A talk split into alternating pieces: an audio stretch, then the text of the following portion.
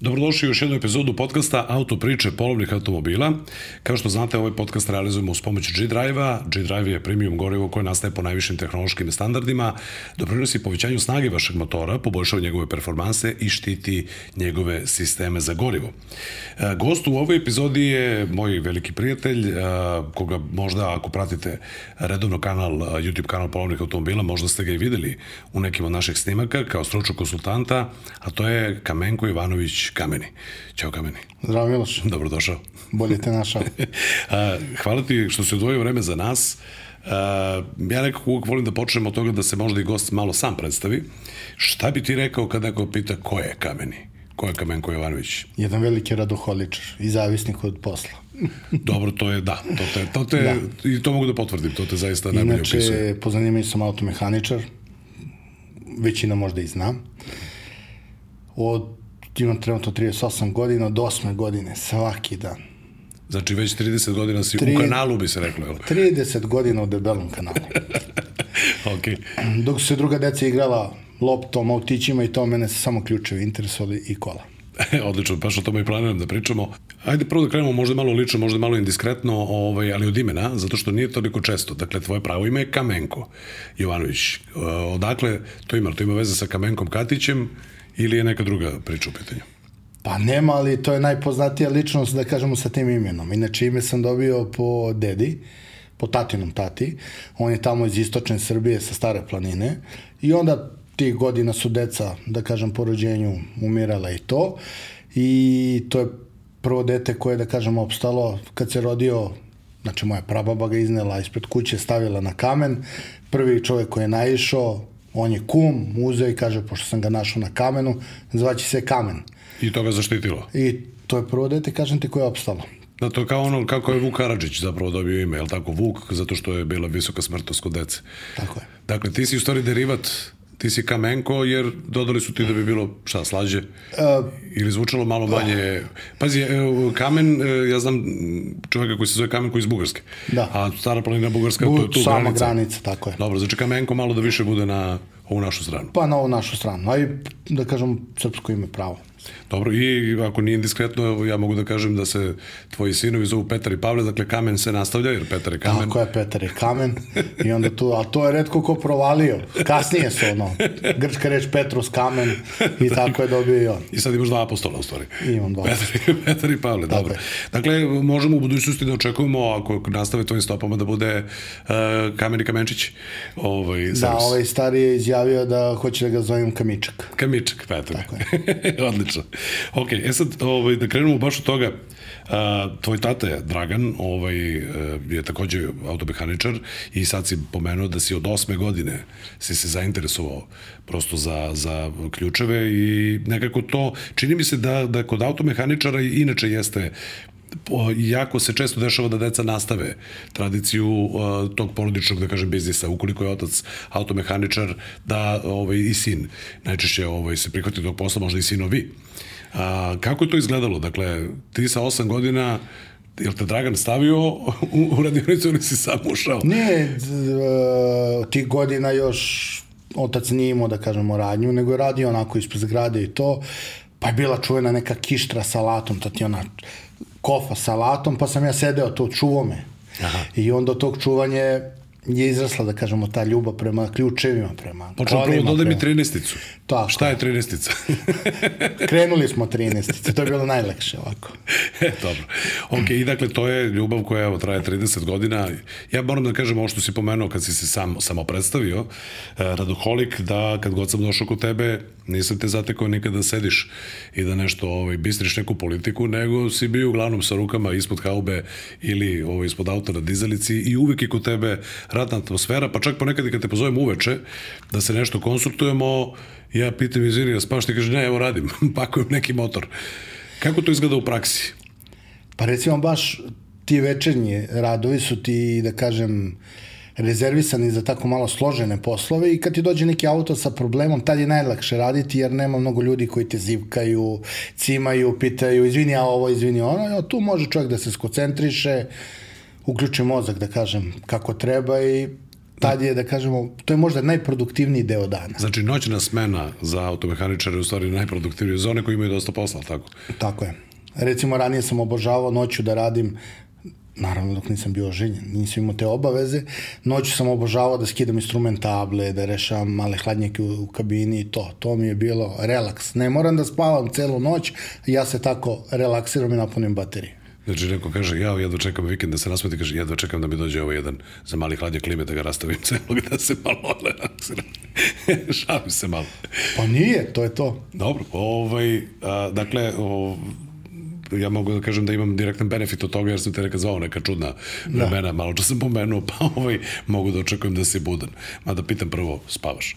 Ovaj, dobro, mi smo na našem uh, YouTube kanalu imali specijal uh, nedavno pa imali smo i gosta ovde u podcastu Nikolu Đurovića o održavanju automobila. I sad ti si zapravo, pošto je čovek koji je apsolutno, što kažu, sobe ruke u tom poslu, pa pravi konsultant da, da uh, dobijemo tvoj utisak što se kaže sa terena.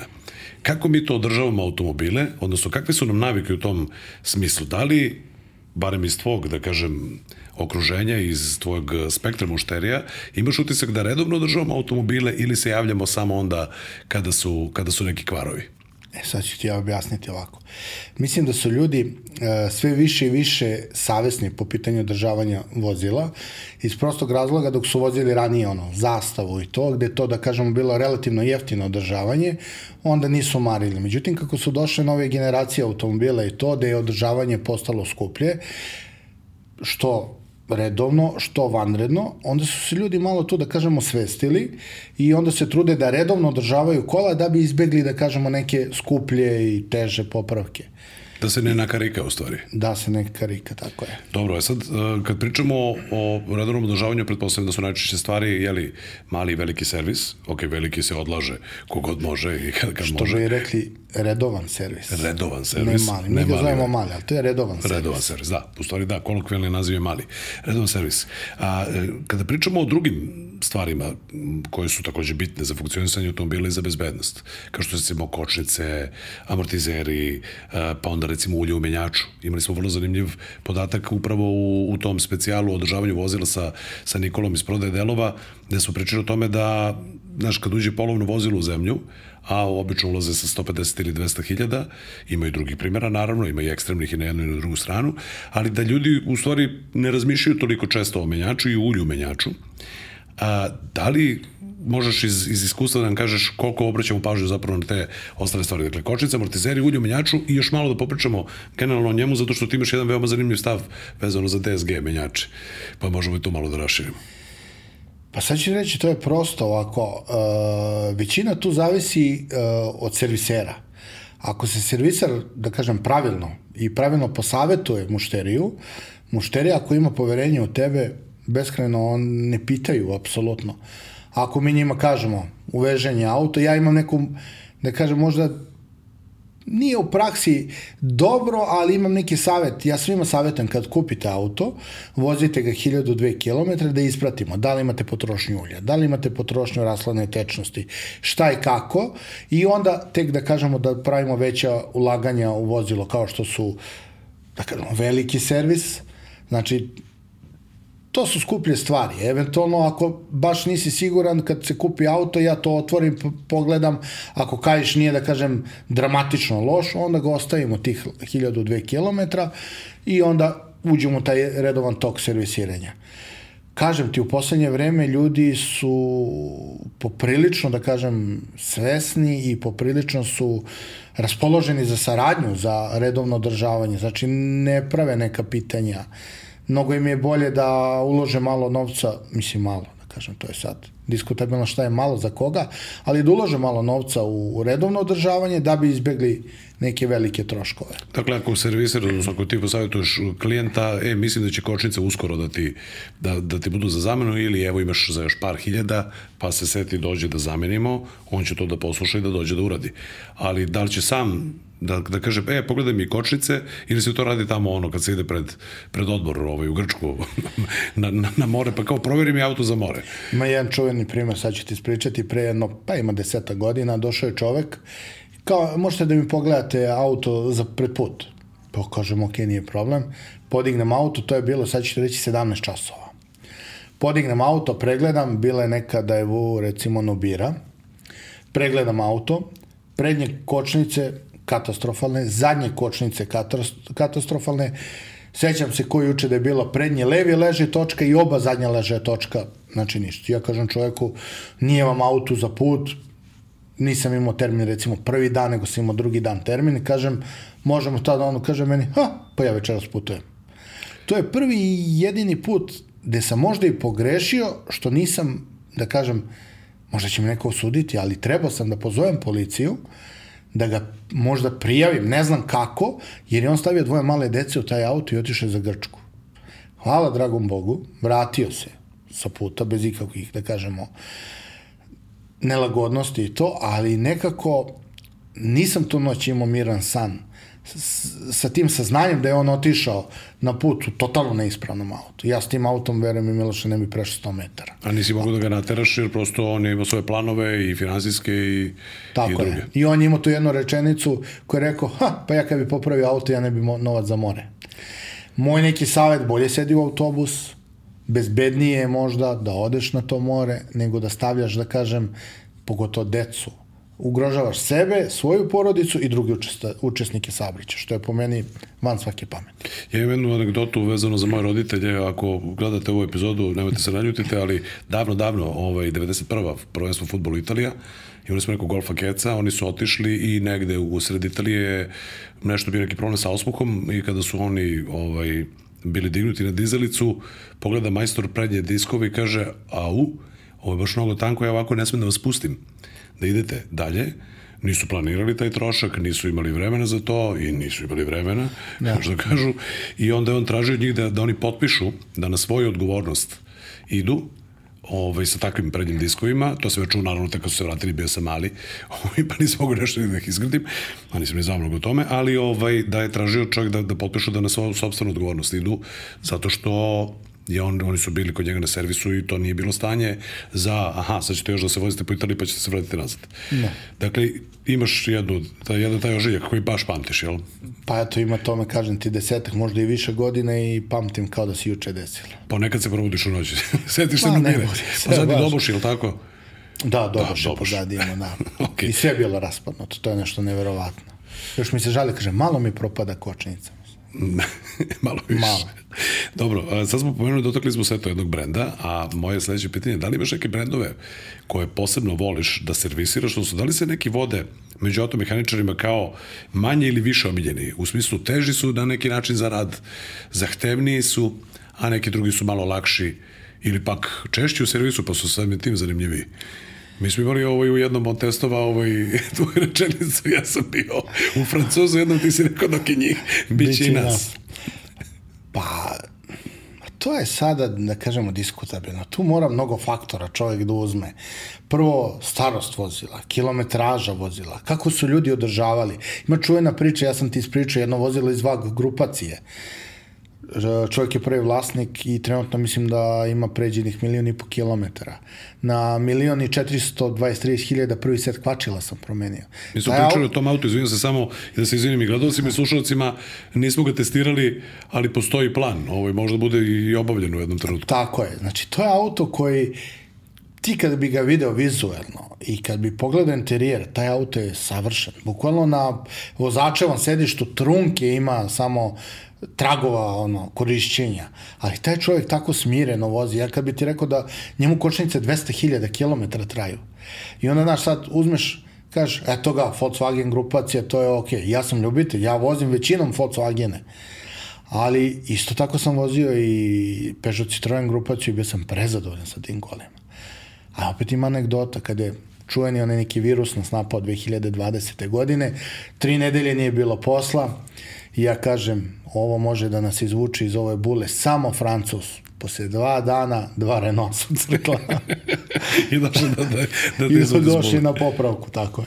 Dobro, ovaj, neću da kažemo koje je vozilo, ovaj, prosto zato što je široka Wagen grupacija, ali nije baš Volkswagen.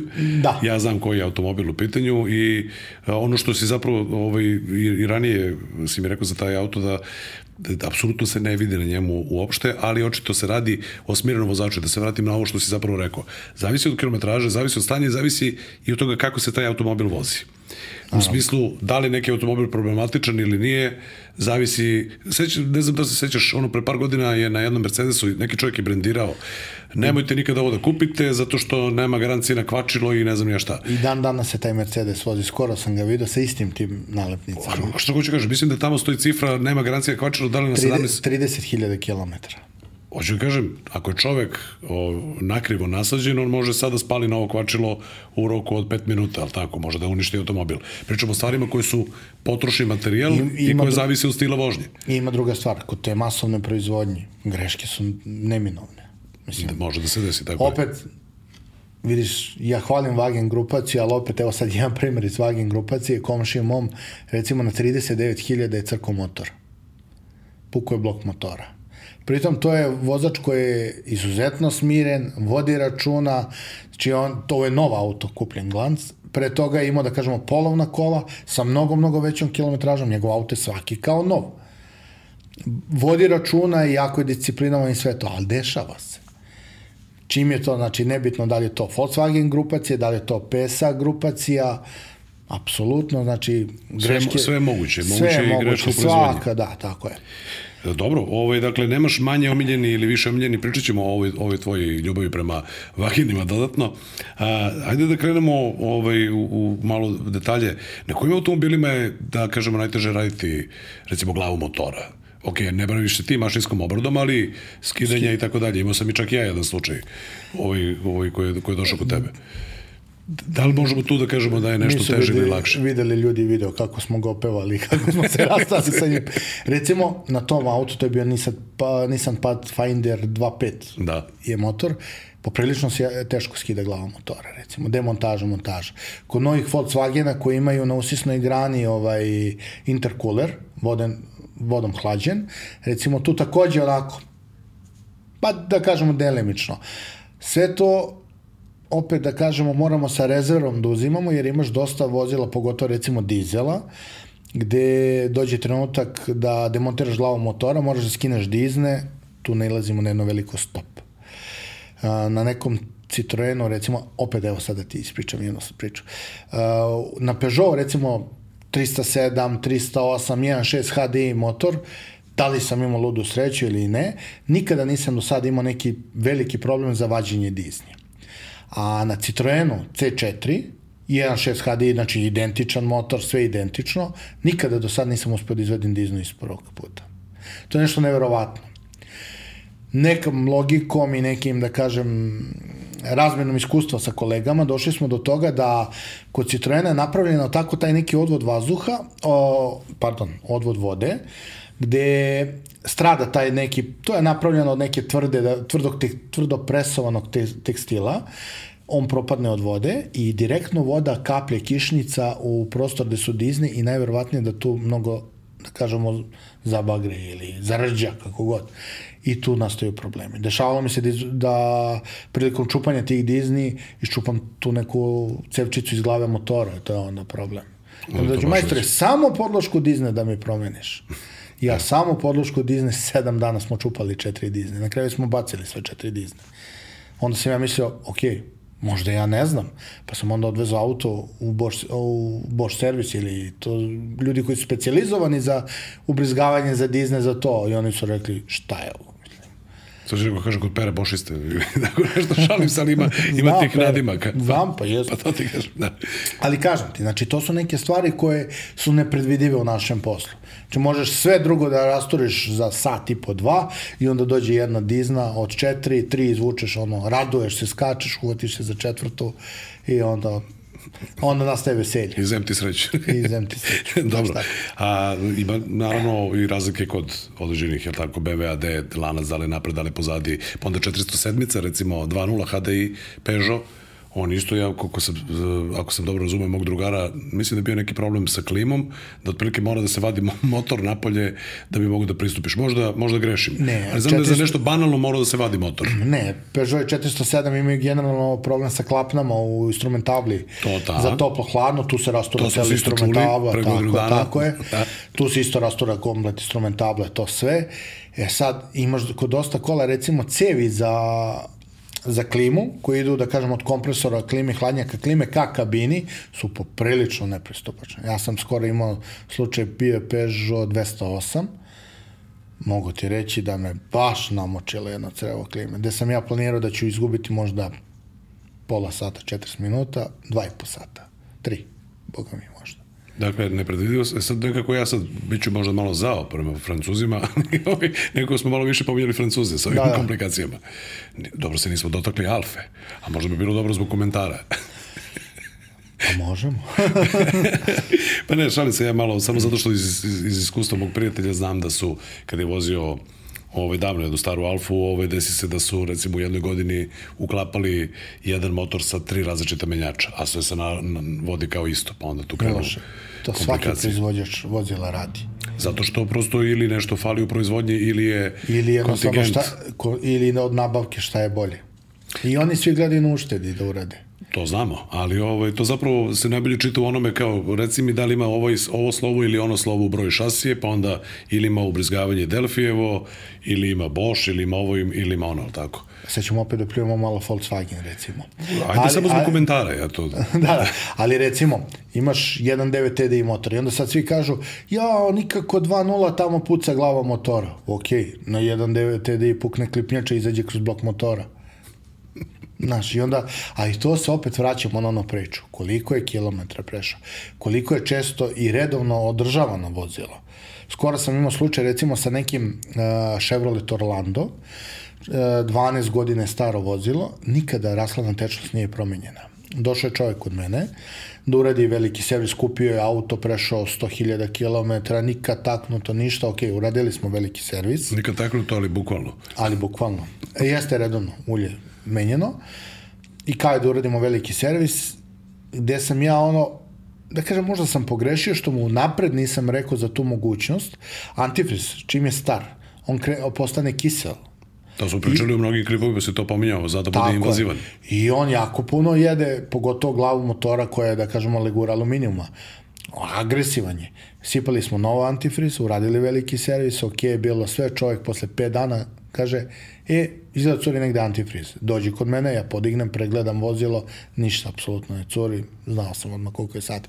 Kad sam skinuo glavu motora, znači kao da je stara 100 godina toliko je antifriz postao agresivan, da je čak u jednom trenutku sam video dole da je bilo na samoj ivici da li uopšte i blok motora može da ostane.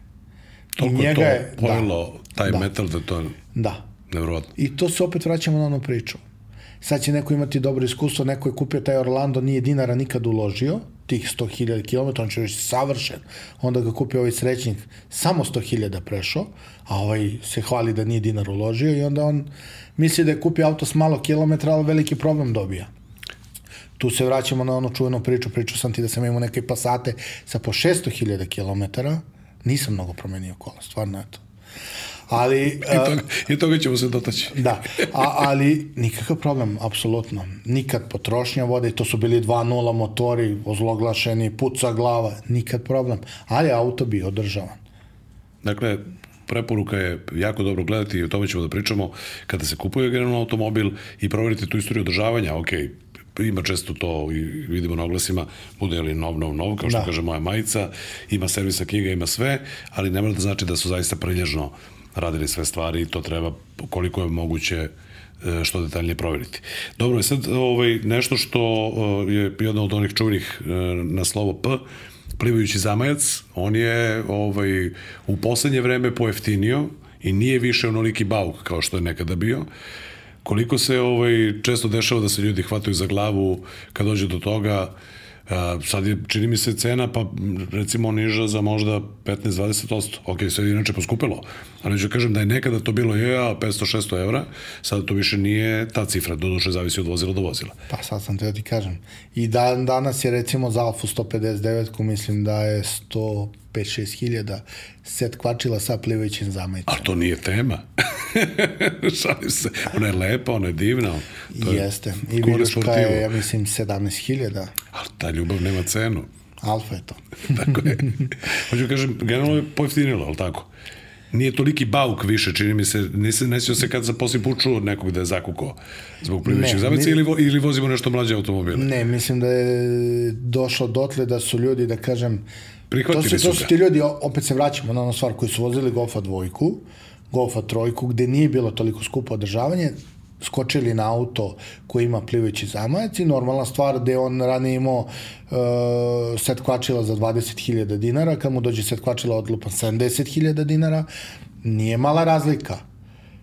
Mislim, i onda je to bao. E sad već, da kažemo, dugi niz godina, sigurno desetak, 15 godina nazad, većina je kola sa plivajućim zamajcem i mislim da su ljudi to, da kažemo, prosto prihvatili ono, ok, kupim auto, crko plivajući zamajac, bože moj, potrošnji je deo. Imam LED televizor, otiće mi pozadinska ploča, zamenit ću. Tako, meni je crkla, recimo, i tako. I meni. ok, sad ima li života što kažu kad pukne zupčasti kajš? Kako da, pa, iskoristio bih te da, da damo taj neki savet e, i da ponovo podsjetimo na važnost e, redovnog servisiranja kada pričamo o tome šta se dešava kada pukne zupčasti kajš. Mi imamo zajedničkog prijatelja, neću sada da ga ovde imenujem, koji je tako recimo video da na njegovom automobilu je kajš bio u frontslamu i on kaže pa šta to se samo vrti? Što ga je posle naravno skupo koštalo. Čovjek je potpuni analfabeta za automobile. Ovaj, dakle, kako da to predupredimo, šta su posljedice i šta je pro, prosto postupak oporavka? Kada pukne zupčasti kajš, koliko loše može da bude, koliko jeftino može da bude, koliko skupo može da bude i šta sve treba da se uradi na automobilu. Pa i sad ovako ti ispričam jednu priču. Davnih godina sam imao nekog juga, 1300 kubika. Opa. I od 100 mehaničara da pitaš, 99 će ti reći da Jugo 1.3 nikad nikome nije pokrivio ventile. Pukne kajiš, staviš nov zupčasti kajiš, uzubiš motor kako treba i to ide.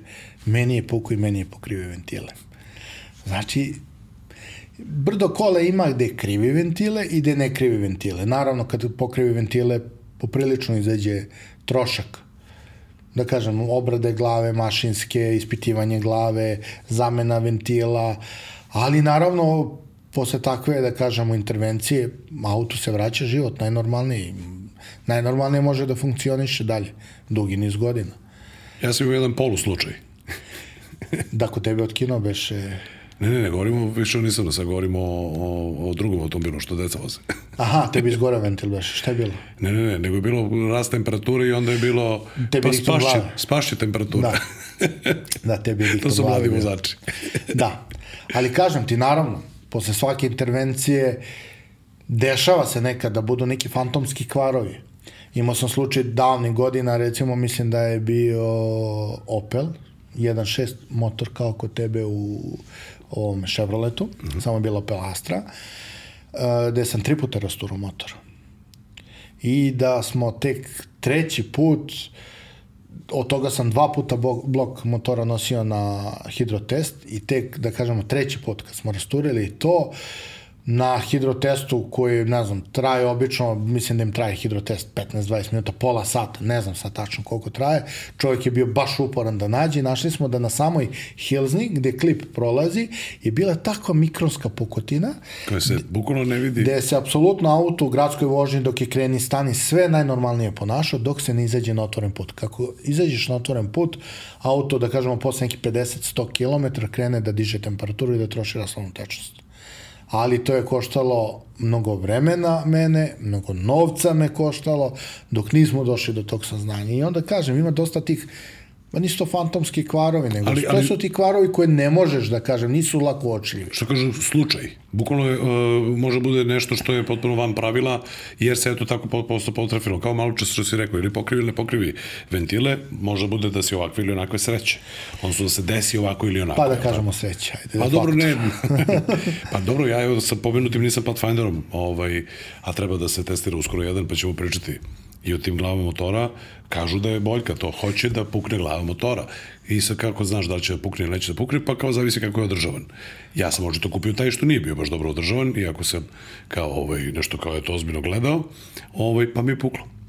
Desilo se. Mislim da kod tog Pathfindera i možda i ne igra uloga, jer ja imam slučaj jednog gde su prvi vlasnici u pitanju i gde su bolesni ljudi po pitanju održavanja, znači ne, ne, ne možeš, ne, čisti auto, uredniji auto i uredniji održavan auto, ne verujem da si video. Oni su imali slučaj na 120.000 km da im je pukla glava motora. To onda znači da nema i fabričku... Mislim, mislim Greška. da je generalna fabrička greška. Jedino šta da kažemo, a, taj Pathfinder je jako često vuko prikolicu kamp. E sad oni ima su iz Nisana rekli, pošto je bio auto u garanciji, da kažemo još, rekli su da je tu najverovatnije problem veliko opterećenje. Što kamp kućica davnih auto- godina su Poljaci sa peglicom vukli kamp Tako, tako, kućicu. ne, ali taj Pathfinder on vuče 3 tone. Znaš, Kamp koje je kućica je mala, kamp kućica znači- od tonu i po nek bude. Ne bi trebalo apsolutno da bude bilo kakvo opterećenje, ali to je da kažemo bilo Objašnjenje. objašnjenje, tako je. ok. Prelazimo sada na ovu vlasničku priču uh, i da onda još malo uđemo u te Volkswagene, već si to načeo. Koliko si automobila do sada posjedovao i koliko tu, ovaj, i koliko od njih su Volkswageni? I zašto? Pa skoro sam prodao jubilarni 90. auto. Vidim da si zastao malo, da se sračunaš. Ne, nisam se stračao, nego možda malo i sramota. Ljudi, znaš, ono... sramota? Pa ne, ono... E, imao sam prvo ovako jednog plavog juga, njega sam vozio, ne znam, tri godine, pa sam onda imao nekog čuvenog žutog juga, s njim sam se vozao pet godina. Žuti je brži, inače.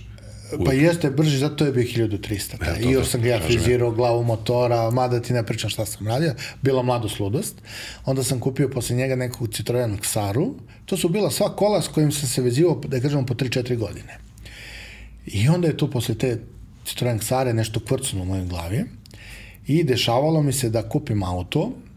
Najčešće sam kupovao auto, da kažemo, sa nekim pa da kažemo nije felerima, ali ili pukozupčasti kajiš, ili crkoplivići zamajac, ili jednostavno kola koje su imale neki problem, naravno nešto sam jeftinije uzimo, ja to kao sad ću da sredim, ja ću da vozim, ja tako sredim auto i krenem da vozim i onda dođe neka mušterija i kaže, imaš neki auto na prodaju? Pio ko, pa imam ovaj moj, mislim ispravan. I to je tako se dešavalo da sam ih menjao na po 20 dana, 40 dana, mesec dana. Ima jedan uh, Passat, kumu mom smo tražili kola da kupimo, išli smo po placevima, vamo tamo, sve to bilo da kažemo ok, jedno kad pogledaš, drugo kad odeš da vidiš i ja sebi sredim nekog Passata B7, ne, B6, super, registrovao ga ujutru, dođe kum popodne, ne, možeš da mi pozemiš auto da odbacim decu, negdje kao ajde i on se vraća i kaže kume našao sam da kupim auto. Uj, rekao, odlično. Kada on pare. On meni pare vadi. Kažem, šta će mi pare? Pa tvoj auto. To je znači najkraće. Bilo taj nije ni 24 sata, da kažem, registrovan sastavio kod mene. Ali okej, okay, ja volim to. Da kažem, mene čini srećnim tako, kupim auto, najčešće da kažem pokvaren, sredim, gledam apsolutno da mi je limarija i to ispravno, jer ne mogu da se bakćem baš sa takvim stvarima, ali ovo što je moj fakt, to odradim. Ali opet, znaš kako dešava se, to su polovna kola, to su kola stara 10, 15 godina. Znači, danas može da, da je ispravan, sutra da je neispravan. To ja svakoj mušteri kad kaže, e, možda ideš sa mnom da pogledaš auto za kupovinu. Mogu, naravno, ali odmah se ogradim. Ljudi, to je polovno. Tako je, nije nov automobil. Di, da ranije. Disney, recimo, kod dizela su bile čiste mehaničke. 250 bara, nije ni 250, 150 bara, pritisak, to može bi na zejtin da se tera, razumeš? Ove sad Disney idu do 1600 bara. Imaš mehanički deo, imaš električni deo. Niko ne može da ti kaže kad će električni deo da crkne. I onda, znaš, oni kažu, pa gledao si. Pa jesam gledao i bilo je u tom trenutku ispravno. Ali apsolutno ne mogu da garantujem koliko. Tako, znaš, ono, i onda mi se dešavalo tako jako često da sam menjao kola i sad sam 90. i bio je Passat. Mm -hmm. Karavan, naravno. Volim karavana jer imaš onako komociju imaš da kažem. Ubaciš ženu, decu sve u gepek, u stvari na sedišta, a u stvari u gepek. I ovaj i super je za put, nekako je onako komforan je. Išli smo na jedan put zajedno, ako se sećaš, sa Jesmo. Passatom CC-om, gde smo, ako svi bili malo 100 plus, Gabaritni. sem tebe, Da. kilograma, i onda je bilo jako tesno. Meni je došlo da snimim drugi deo, to je za, za one koji nas prate redovno, ovaj test Passata CC. Mi smo pa kasnije sa tim Passatom otišli na jedno kratko putovanje do Hrvatske i Slovenije i imam da dodam, imam amandman u vezi zadnje klupe. Da, ono da smo se malo pogrbili, onako. Naročito, naročito ako su krupniji ovaj, i Pa vozači su kažem, mi smo vozači. bili tu, mislim, onako. Da. Malo, malo je Passat išao ovako na prednjem točku. Pa dobro, nije to strašno. Ali kažem ti, generalno najčešće sam imao Volkswagene i Peugeot. Njih sam onako da kažem, s Peugeot 307 i 1.6 HD ja sam bio oduševljen. To je Miloš auto gde ja idem do Crne Gore i spustim potrošnju na 3.6. to je 90 sjajan konja, 1.6. A vidim nešto s manjom potrošnjom nisam vozio. Eto, jesam. Audi A2, 1.2 TDI. U, da, oni su imali taj motor davno, da. Znači, naravno, ne Dođeš u pričamo, pumpu, oni tebi daju goju. ne pričamo, Da, znači, daju pun gas kad se vozi to. Znači, da to bude normalna, civilizovana vožnja, pošto, da poštujemo propise, ja to volim. Možda kad sam bio klinac, malo sam bio lud, malo sam tad brže vozio i posle tog Citroena se desio neki preokret. Pre toga sam recimo... Ne preokret na krov, nego Ne, preokret. ne, ne, ne, na krov, ne, ne, ovako moj glavni neki dobro. preokret, recimo, tad sam patio non kad god uđeš u moj auto, to sija, ali ova lampa od goriva sija. Gde god treba da krenem, ja prvo moram na pumpu. Posle tog Citroena se nešto desilo, gde sam ja krenuo normalno da vozim i sad imam to kad mi dođe već na pola rezervara, Nervoza. ja nervoza me vata, da. U stvari, ali čekaj, ali onda si na gubitku, zato što prodaješ onda stalno automobile sa punim rezervoarom. Da, sad ovaj Passat poslednji došao je čovjek iz Bačke Palanke, mislim da je. Čovjek koji je seo unutra i kaže, wow, pun rezervoar. Pa kako hoćete da vadite? Ja kažem, ako će tih 5, 6, 10 hiljada dinara da me izvadi u životu, onda mislim... Vidi pun rezervar, tako je rekao. Hoćete Pa da, da, vadite? Neću da vadim. Super, tare neki samo. dečko kupio stvarno i da kažem ispravan auto i to. I... Ali eto, i uz svi me grde, ti si lud, daš auto s punim rezervarom, a ja imam neku, nisam sujevera, nego šta mi znači da izvadim ja sad gorivo, nešto, ja ću kao biti na dobitku, kakav dobitak. Ja sam tako prodao jedan Fiat Bravo, ovaj, mislim da si, da si ga ti ovaj, isto zapamtio, ili moguće da ne, tad, moguće da se da nismo znali, ali ovaj, čovjek je kaparisao auto među vremenu, pa je išao da skupi pare, među vremenu mu je, mi je crkao podizač prednjeg levog prozora i imao sam opciju da to nešto kažem, da zažmurim no. i kao, pa ne, vi ste gledali ispravno auto, a stvarno nisam mogao, pogotovo što je čovjek išao da skupi pare za taj auto, ja sam to otišao Da, da, da. popravio, pa sam se bavio isparivačima, imao je fabrički uređaj sa TNG, jer prosto nisam mogao. Došao da ga kupi i ja ću sada njega nešto da da, da zezem. Imam od ukućana, imam kritiku. Ti uvek središ auto, pa, pa onda prodaš, pa su uzeli da me izleče tako što sam uzao ovaj onda nov auto na leasing. Ali da ti kažem sad jednu stvar, nekako mi je draže da većina kola koje sam da kažem prodao, sam prodao prijateljima, poznanicima i to. I onda, naš, Ne ide. Sad ja kao treba, znam da su mi kočene pločice pri kraju, ja treba se pravim lud za par hiljada dinara, mislim. Bolje me promenim to i znam. I oni kad prodaju taj auto, prvo zovu mene, pitaju, ili imaš nešto novo? Ima nešto zanimljivo? Pa lepo. Tako da, kažem ti, 90 i evo sad tražim neki auto za sebe, nego moji kriterijum, ja sam lud, ja, s polja mora da mi je auto perfektan, to mehanika, to me ne interesuje, to popravim. Ali kad vidim da je oguljen, da je izlupan, ja to ne mogu. Dakle, mora da bude estetika. Estetika mora da bude, a mehaniku popravljam. Za mehaniku ćemo lako. Znaš čoveka? Ma znam čoveka, radi odlično. Alkoholik. Da. Dobro. E, da li je, da li možemo da izvojimo neki najzanimljiviji automobil koji se do sada ovaj, posledao, odnosno neki za kojim još uvijek patiš? Pa najžalniji mi je bio taj žuti jugo što sam vozio, iskreno da, Da. ti kažem. Da, to je bio onako neki, da kažem, imao sam prvo tog nekog plavog juga, on je bio onako kršist, a za prvi auto je bio fantastičan. Sa 18 godina, kad, naš, imaš svoj auto, to je super. I onda je došao taj posle žuti jugo, to je bio 1300, ja sam to spustio, stavio fealne, amortizere, motor sam nasvirao, muziku i njega kad sam prodao, eto, to je možda bio jedan auto za kojem sam suzu pustio, jedini u stvari auto. Dakle, sanjaš i njega ponekad. Da, Osim one i nubire. posle mnogo, mnogo godina dođe neka mušterija kod mene i tako nešto pričamo, gde živiš, on kaže, prošlo, boga mi, deset i nešto, deset godina sigurno je prošlo, gde živiš, on kaže u bulevaru, ja kažem, ja, ja sam tamo davno prodao juga nekog, i on me gleda ovako, kaže, žuti? Ja kažem, žuti. Kaže, pa mom rođenom bratu. I morao sam da idem da ga vidim posle tih deset Bio je godina. još uvijek u... Da. Njegov brat, u životu. njegov brat je položio, to mu je bio prvi auto, on ga je vozio. Prva Pa- zabrana, prvi auto, prva zabrana. Da, pa je položio, znači ovaj dečko što je došao kod mene, Aha. rođeni brat, pa je njemu bio to prvi auto, pa su oni to posle poklonili, ja mislim, brat od tetke strica i njemu bio prvi auto.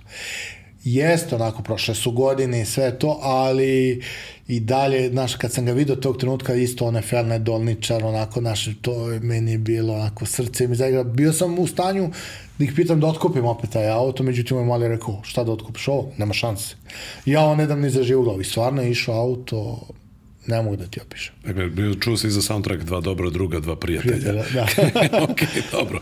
A, vratio bih te ponovo malo na anegdote, jer prosto mislim da, da prvo ti jesi riznica, i inače ljudi koji se bave tvojim poslom imaju prilike svašta da vide. Da li možeš da se setiš nekog najzanimljivijeg kvara, ako uopšte može tako da se kaže, pomenuo si one neke fantomske da te namučilo da, da pronađeš, ali da li je, da li nešto što te baš iznenadilo možeš da izvojiš?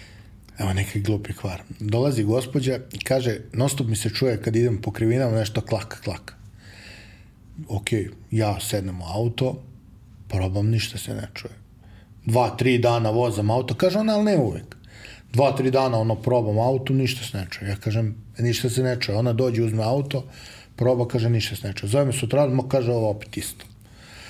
I to je trajalo, ne znam, ja sam sve pregledao, auto perfekta, znači nema trunke lupta, ništa, ništa, ništa. Ja kažem njoj, ajde da dođete vi jedan dan, kad se to čuje, da sednemo mi zajedno i da se provozimo. Kaže, može. Dođe ona, sedne, krenemo mi na drugi krivini, čuješ, klak. Ja ovako, nešto ispod levog sedišta. Ja kako sedam svo začevam, uzmem, zavučem ruku iza, staklena flaša od kisele vode. Fora je, pošto sam ja viši i krupniji od gospođe, kad god sednem, ja sam pomerao sedište nazad i kako pomerim sedište nazad, ja zaglavim flašu.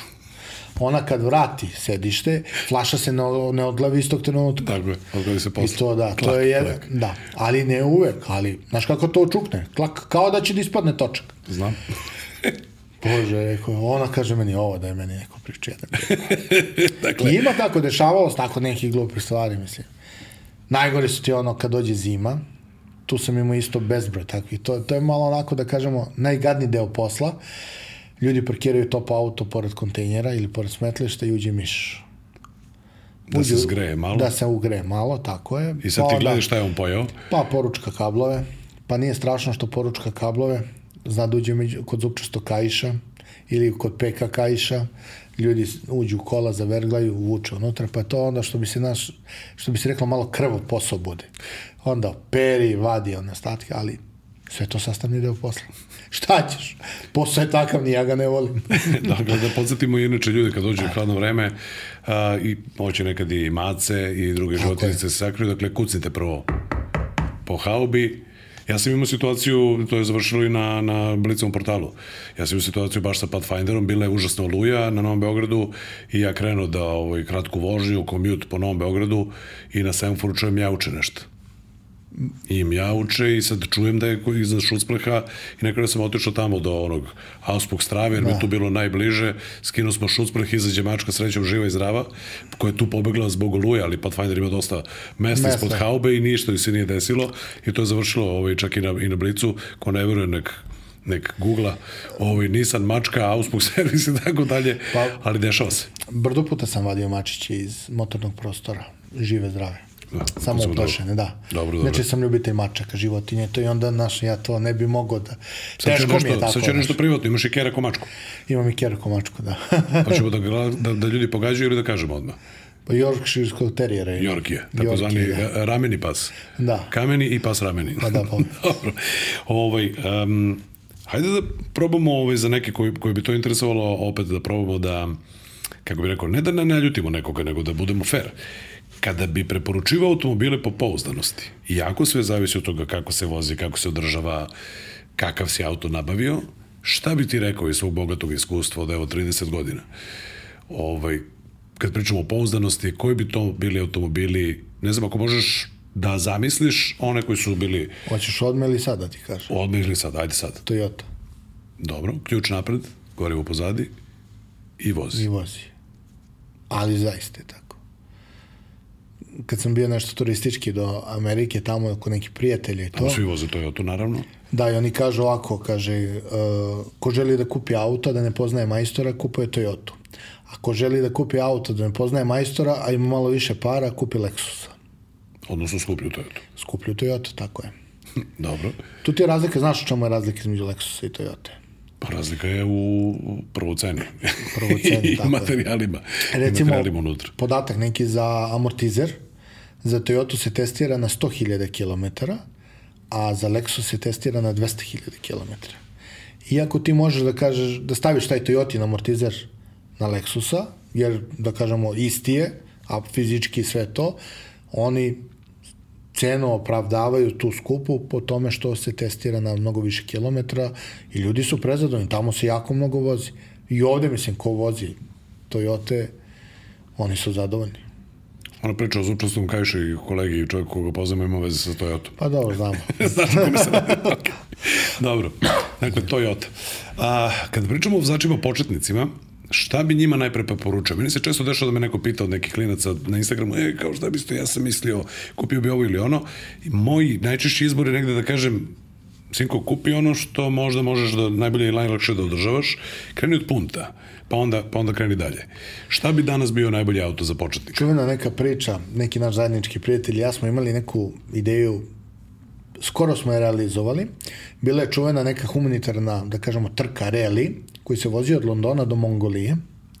I onda smo mi to razvijali s čime bi išli na taj put. Ja sam samo rekao punto, 1-2 benzin. Kaže on, ti si lud. Kaže, to je 16.000 km. Ja kažem, da, to je auto gde mogu rezervne delove da spakujem u jednu omanju putnu torbu i znam da ga da kažem da ću da ga pregledam, da uradim sve i da ćemo sigurno da tih 16.000 km pređemo bez stajanja. E, punto 1, 2, to je nešto, da kažemo, trenutno najprostije. Zbog jednostavnosti i Jedno- zbog troškova. Tako je. Imaš, da kažemo, relativno jeftine kočeni sistem za održavanje, nije komplikovan. A, od, što se tiče motora, crkavaju svećice, bobine i motorni računar. Motorni računar crkne zbog neredovne zamene svećica i oni su predvideli fabrika prilikom svake zamene svećice ovaj, kablovi za svećice da se menjaju, jer je kabel taj koji probije pa vrati neku struju pa sprži motorni računar. Znači to može da crkne, crkne im senzor radilica, to su sve da kažemo jeftine popravke. Zato što delova ima na trafici, auto je vrlo dugo prisutan i uopšte nije komplikovan za Kad bi ti majstore. rekao recimo set da kvačila za tog punta ti je 8000 dinara. A cilindar kvačila za neki, da kažemo, ajde, Opel ti je 12.000 dinara. Onda ti je, ne kažem ja da je Opel loš, da ne bude, razumeš, ali ti kažem, to je poprilično povoljan i, ok, završava posao, četvorovratni punt, to je sasvim komotan auto.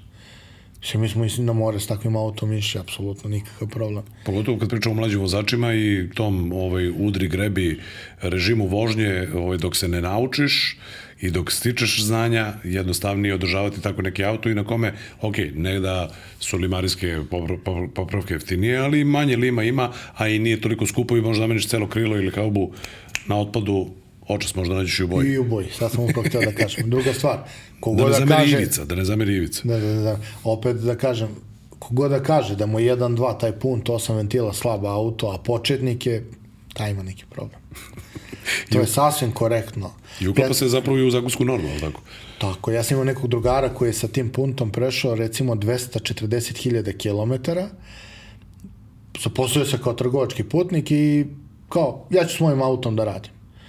Kad bi ti rekao da je čovjek za nekih 12 ili 14 dana prešao 10.000, ja mu radim servis i on me zove tačno dve nedelje prošle, kao ja da radim u servisu. Kažem, bre, pred dve nedelje smo radili. Pa kaže, malo sam pojačao posao, jurio sam kao klijentelo, ovo ono, kaže, ubio sam već 10.000 km. Ali ono se i dan danas kune, jako mnogo bolja kola trenutno vozi i sve to. On kaže, meni je pare zaradio taj punto i meni je posao napravio taj auto. I on u, u nebesa ga diže, što bi se reklo. Jednostavan i jeftin za održavanje Tako i je. generalno... Po meni, ako pouzdan. neko više voli dizel, ja sam opet za onu neku varijantu Peugeot 1.4.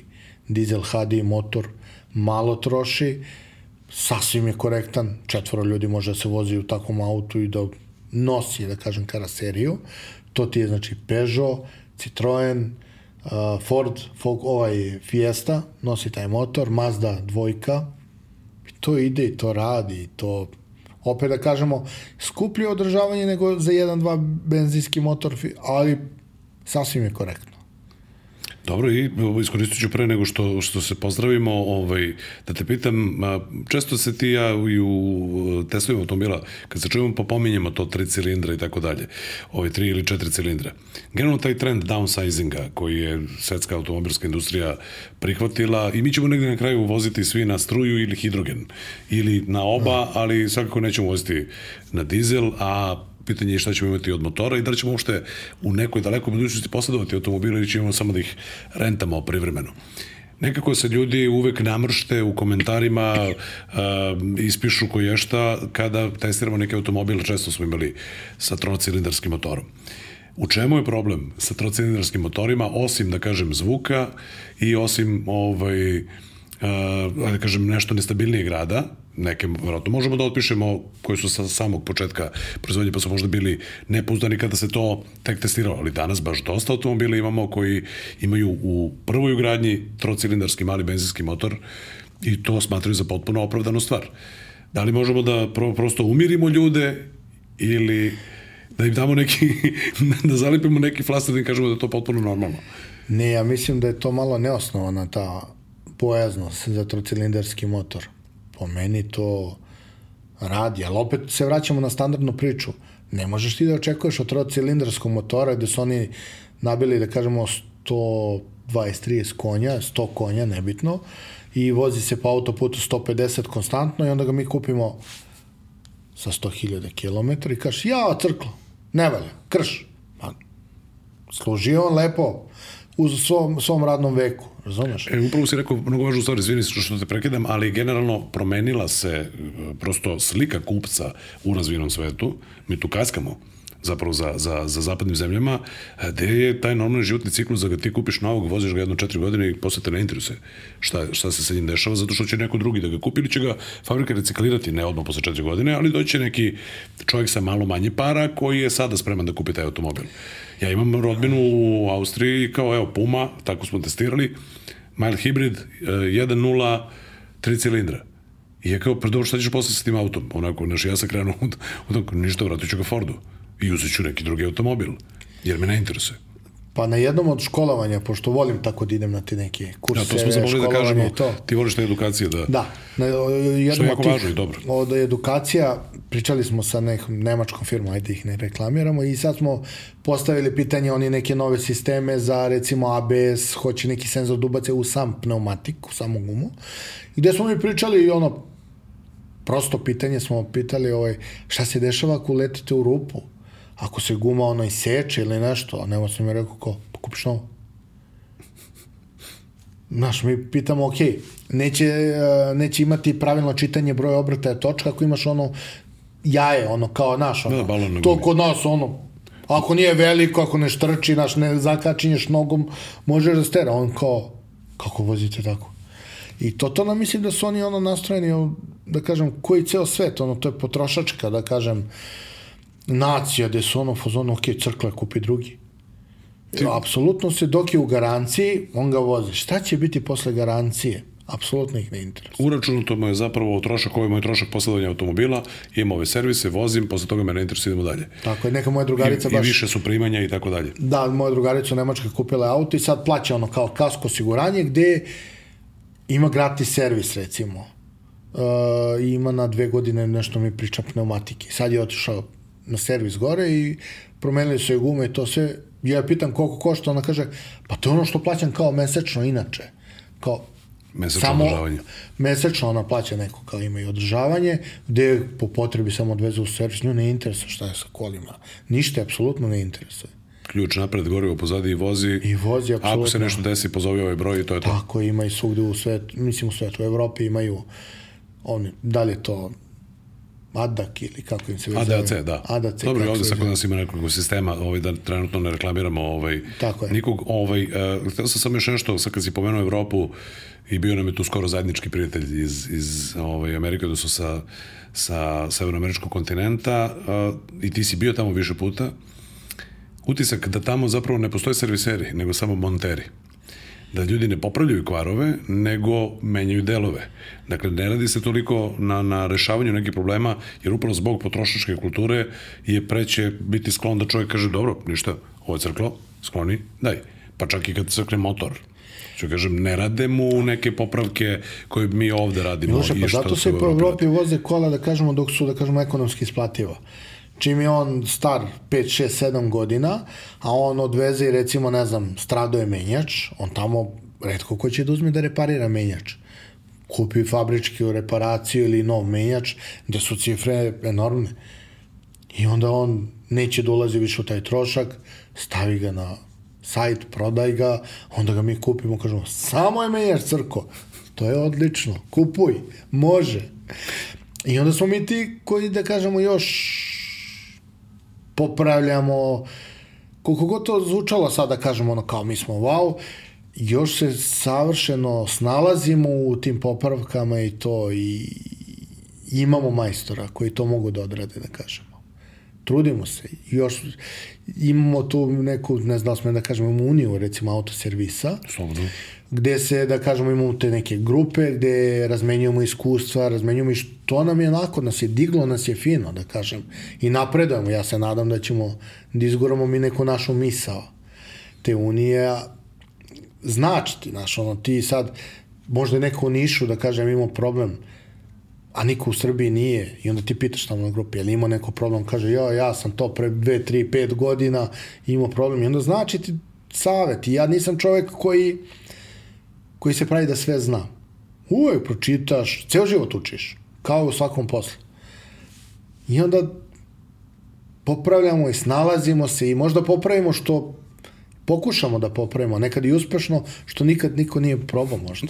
Znači ti je plastičan primjer, ovaj, ti znaš iz, iz priče da sam bio pre par godina nešto do Nemačke sa, sa drugarom i trebalo da dovezemo neka dva kombija.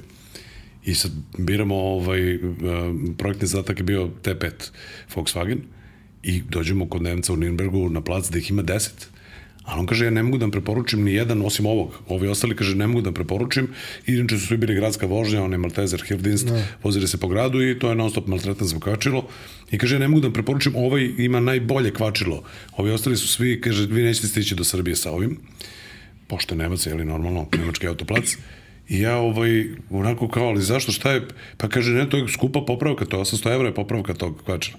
Mislim se, ja rođeni 800 evra. Ovaj ćemo. ne, ne, uzeli smo taj koji je preporučio, nije hteo uopšte da pregovara da. ovim ostalima, pa smo kupili u drugom gradu neki drugi T5, nebitno, ali kod njih je to 800 evra. Ovde nije 800 evra set kvačila i popravka za T5, nego Okay, 300, 400, 500, zavisi koliko su ti ruke. Ja imam dosta, recimo, mošterija koji žive u Beču, u Lincu. U Beču i Nemačka. U Beču i Nemačku. Da. Tako imam Slovenije, dolaze na redovno održavanje. Čak sad imamo ovaj, neka moja mošterija, ocelili su se ljudi za Švedsku, kupili su Tiguana i sad im je ideja da dođu ovde za novu godinu na odmor kolima, da im je uradim veliki mali servis, sve. Ja kažem, čekaj ti ljudi, bre, to je 2000 km, 2000 i nešto kilometra imate u jednom pravcu. Kaže, pa da li ti nama 15 godina državaš i nikad nismo imali problem? Kaže, mi nećemo da menjamo majstor. I ono, kao, okej, okay, mislim, drago mi, ali van svake pameti. Međutim, onda smo došli do cifre, gde to ovde košta 700-800 evra, a to tamo košta recimo negde, rekli su mi oko blizu 2000. Tako da put i to sve, ok, poštuje one mene kao majstor, ali mislim da više poštuje i svoj novčanik, razumeš? Plus će bude avanturica malo dok Plus se avanturica, da oni žure negde, vole da se voze, da putuju ljudi inače. Dobro, znači kamen internacionale. Da, ima je... čuvena priča kad sam otišao u Grčku da popravim auto. Neke moje drugarice su otišle na godišnji odmor i zovu me, zamisli Alfa je crkla. Nemoguće. 159-ka. I zovu me i kažu, ovaj, ostali smo bez servo volana i to, ali auto kao radi. Ima tu, kaže, neki Grk, rekao ima 1800 evra popravka. Ja sad ono razmišljam, rekao, bože, šta je crklo 1800 evra, auto radi. Nemoj servo volan. I ja kažem, ajde ti otvori haubu, jedna ne kupali auto, druga da gleda šta se okreće. Kaže, i oni dole veliki kolo, tako mi je rekla, misleći na radilicu, kaže, samo se u sredini okreće, kaže, spolja se ne okreće. Ja kažem, super, idite na plažu i vidimo se za dva dana. Ja kupim fino remenicu, spakujem malac, sve to, sednem u auto, skoknem do Pevskohorija, popravim auto za pola sata, ceo dan se okupam na plaži, sednem u koli, vratim se uveče kući. Cela njih avantura je tako uštrila sa remenicom.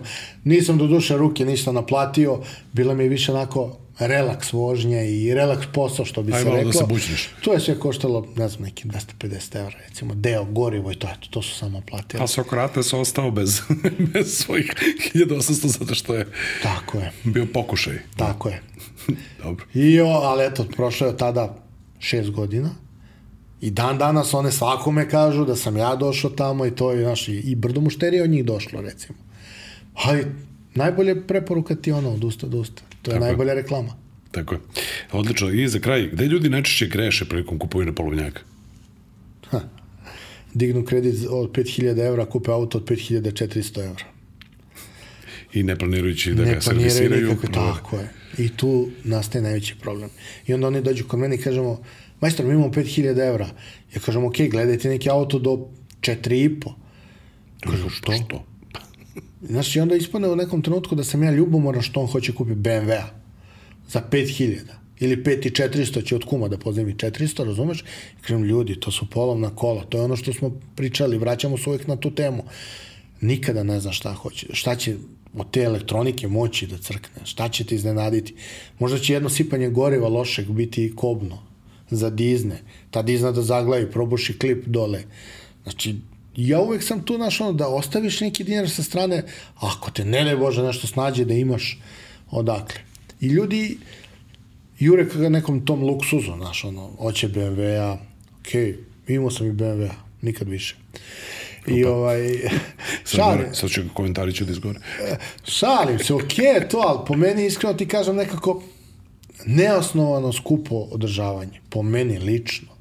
Radim ih, okay, ljudi voze, to sve radi, traje, ali nekako, znaš, dođe veliki servis, vadiš motor, to košta, bre, hiljadu i nešto eura.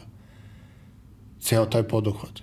Taj isti poduhvat kod Volkswagena ili kod auta koji ima zupčasti kajiš košta 500, 600, 700. Znaš, velika je to razlika, a istu vožnju imaš. Mm, ne bi se BMW složili, ali što hoću kažem, se. sprem sveca i tropar, odnosno, m, ako mogu da sublimiram, taj tvoj savjet je ostavite uvek neku rezervu i svakako kupite auto koji možete da održavate. najbitnije je kupiti auto koji možeš da održavaš. Jer kažem ti, znači ja imam šatu kredita, imam se vama za, za ne znam, zatvoriš se sa neke autom i opet vole ljudi da kupe egzotiku. Nemam ja ništa protiv, a recimo imam slučaj sad uh, sa nekim Grand Cherokee'em, 2008. godište, gde je istrulio rezervoar. Ne postoji u Evropi da kupiš nov rezervoar. Čovjek ne pita koliko je novca ne postoji. I onda smo nosili kod nekoga iza kod nekog gospodina iza Šapca koji krpi rezervare za traktore i kombajne, pa ga je on nešto zakrpio. Ja sam rekao čovjeku, ovo je danas namontirano i ne znam koliko će trajati. On kaže tamo, u, ovo ko sito šuplje, znaš. Iskrpio, ali čovjek ne pita, ali A ne postoji. ne postoji da se kupi, nažalost. Pazi, kad je on, ono, da kažem, po celoj Evropi se on ras, raštrko da nađe i nema nov, jednostavno fabrika ga ne proizvodi, Jeep je 2008, fabrika ga e, zvanično do 2018. proizvodila delove. A imaš tih džipova. I, znaš, i to su ti tako neka egzotika. Tu mora čovjek onako, Kad kažeš egzotika, egzotični motor 5.7 Hemi ili... Nije, 3.0 dizel. 3.0 dizel, CRD. Ok, da, CRD, ok, motor, sve to, ali kažem, to su neke stvari, znaš, vole ljudi, oni kažu, ja, meni Jeep treba pogon četiri točka, kao recimo ti, i onda je moje pitanje bilo tebi upućeno, koliko često upotrebljaš pogon četiri točka? Ti onda meni kažeš, pa Možda možda, dva nikada, Pa, možda i nikada, dva ali puta. Možda sam dva puta potrebio. Znači, kupiš ono zašto imaš potrebu. Glupo je kupovati džip, skupo održavanje, skupe gume, skupe kočnice, sve je skuplje. Otpor vazduhu. Kolega neki moj limar je bio ovde tvoj gost, Da, gde je on rekao lim je lim. Ne interesuje me dalje Mercedes, BMW, Opel, nebitno, to je lim. Ali u mehaničkom delu nije tako. Tu je velika razlika od brenda do brenda, što cena delova, svega. Kameni, hvala ti još jednom na vremenu. Nema na čemu. A, mislim da ima dovoljno materijala sa tvojim iskustvom i dovoljno anegdota da mi sasvim sigurno ćemo napraviti barem još jednu epizodu. Kad budeš prodao jubilarni stoti auto, recimo, mogu da predložim pa da onda krenemo. To je za 10 meseci. da, možda i prek sutra. Šalim se, neću. Moram malo da se smirim. To se kažem svaki put, ali dobro. Odlično. Hvala ti još jednom. Hvala tebi. Hvala i vama na gledanju i na slušanju. Ovo je bila još jedna epizoda podcasta Auto priče. Naš gost je bio Kamenko Jovanović Kamen iz Autoservisa Kameni, naš dragi konsultant u uh, klipovima i testovima automobila. Kao što znate, ovaj podcast realizujemo uz pomoć G-Drive-a. G-Drive je premium gorivo koje nastaje po najvišim tehnološkim standardima, poboljšava performanse vašeg motora, povećava njegovu snagu i štiti sisteme za gorivo. Slušamo se i vidimo se uh, i ponovo, odnosno slušamo se svi na, na svim audio platformama, to sam teo da kažem, a gledamo se na YouTube kanalu Polovnih automobila. Ostanite uz nas i ne zaboravite like, share i subscribe. Hvala.